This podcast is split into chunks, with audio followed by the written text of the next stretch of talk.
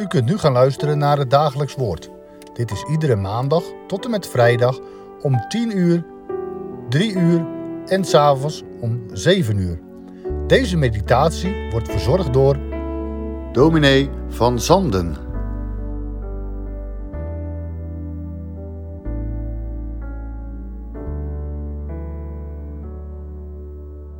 We openen Gods woord vandaag in de profetieën van Maleachi. Ik lees met u uit het eerste hoofdstuk, vers 11 tot en met vers 14. Dit is wat er staat. Want van waar de zon opkomt tot waar hij ondergaat, zal mijn naam groot zijn onder de heidenvolken. In elke plaats zal aan mijn naam een reukoffer gebracht worden en een rein graanoffer. Voorzeker, mijn naam zal groot zijn onder de heidenvolken, zegt de Heere van de legermachten. Maar u ontheiligt hem wanneer u zegt: De tafel van de Heere die is onrein, en wat zij oplevert, haar voedsel, is verachtelijk. Verder zegt u: Zie wat een vermoeienis. Maar u zou het kunnen wegblazen, zegt de Heere van de legermachten. U brengt wat geroofd, kreupel en ziek is. Als u dat graanoffer brengt, zou ik dat uit uw hand aanvaarden, zegt de Heere. Ja, vervloekt is de bedrieger die een mannetjesdier in zijn kudde heeft en een gelofte doet, maar aan de Heere offert wat geschonden is. Voorzeker, ik ben een groot koning, zegt de Heere van de legermachten, en mijn naam is ontzagwekkend onder de volken. Tot zover. Een passende tekst, nu dat we de adventstijd zijn ingegaan. Van waar de zon opkomt tot waar hij ondergaat, zal mijn naam groot zijn onder de heidenvolken.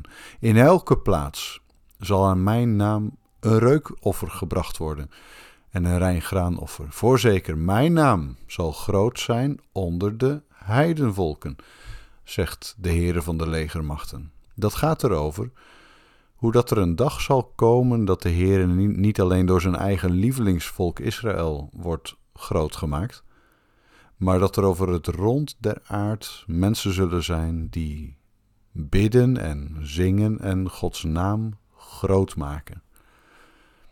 In het Oude Testament kom je af en toe al zo'n vreemde vogel tegen. Daar heb je Hobab, een Midianiet, in de woestijn en die gaat met Mozes mee om Gods naam groot te maken. Daar is een Rut, de Moabitische, die wordt een moeder in Israël om als heidin Gods naam groot te maken.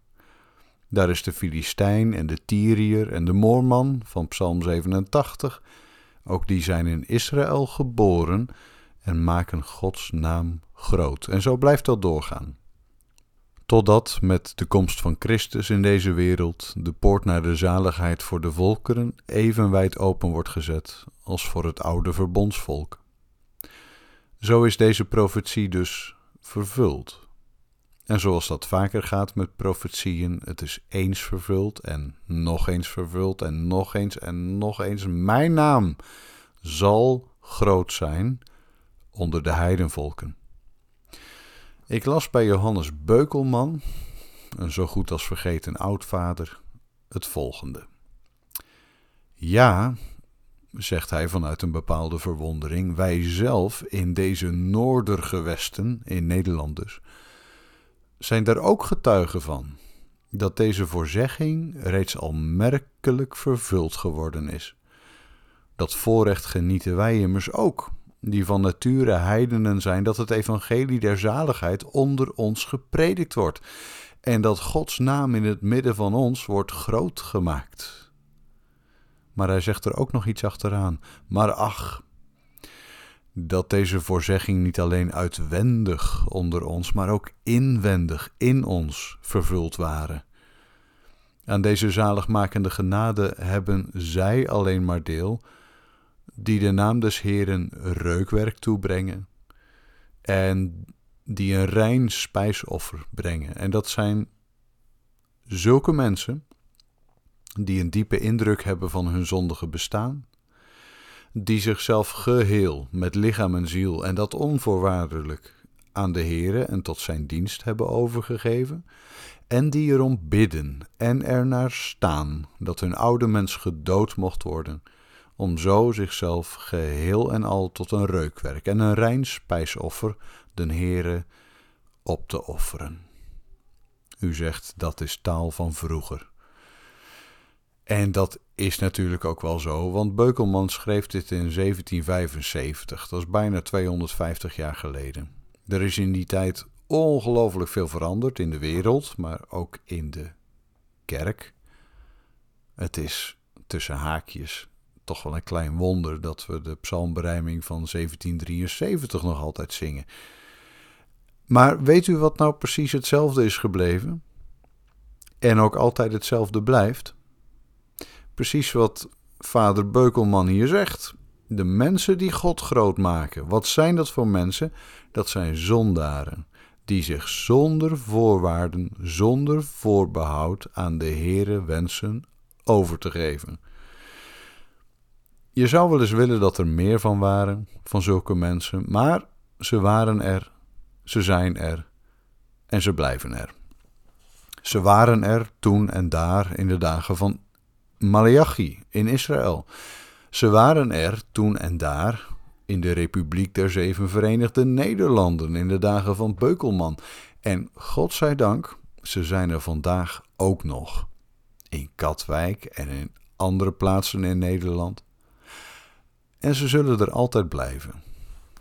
Het is wel de vraag, en die vraag komt ook vanuit de tekst op ons toe, of de Heere altijd op dezelfde plek zal blijven of de Heere altijd in Katwijk zal blijven. De geschiedenis van de kerk der eeuwen leert ons dat als de kerk blijft steken in een halve, lauwe, halfbakken godsdienst, dat de Heere soms verder trekt. De profeet Hosea, die een eeuw of twee eerder leefde dan Malachi, vergeleek de stam Ephraim met een koek, of zo u wilt een pannenkoek, die niet omgekeerd is als een geestelijk beeld van een volk dat zich niet wil bekeren, zich niet wil omkeren tot God.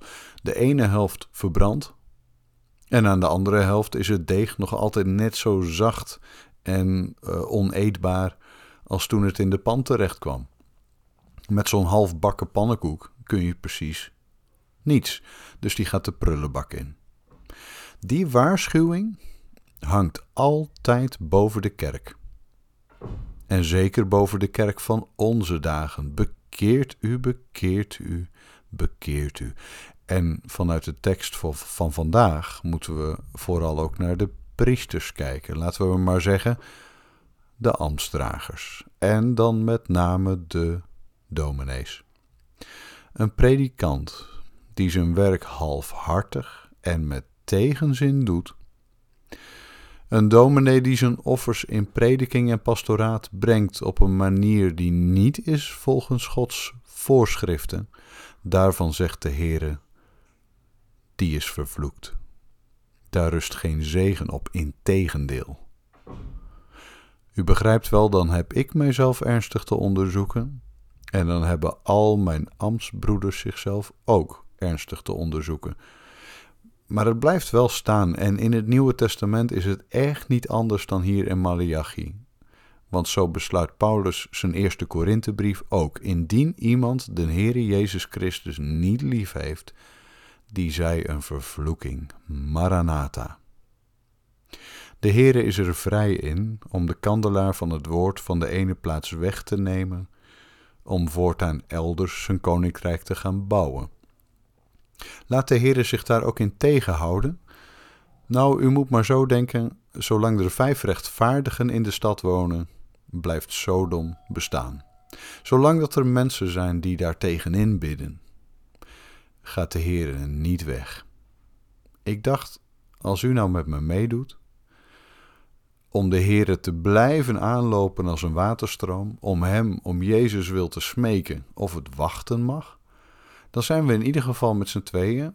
En ik weet zeker dat er meer zijn. Veel meer. We zullen het straks bidden met het Onze Vader, uw koninkrijk komen. En laten we ondertussen dat mooie versje maar op onze lippen houden. Ga mij niet voorbij, o herder. Maak mij gans van zonde vrij. Vloeit de stroom van zegen verder. Zegen anderen, maar ook mij. We eindigen met gebed. Onze Vader, die in de hemelen zijt, uw naam worden geheiligd, uw koninkrijk komen, uw wil geschieden, gelijk in de hemel als ook op de aarde. Geef ons heden ons dagelijks brood en vergeef ons onze schulden, gelijk ook wij vergeven onze schuldenaren. En leid ons niet in verzoeking, maar verlos ons van de boze, want uw is het koninkrijk en de kracht en de heerlijkheid tot in eeuwigheid. Amen.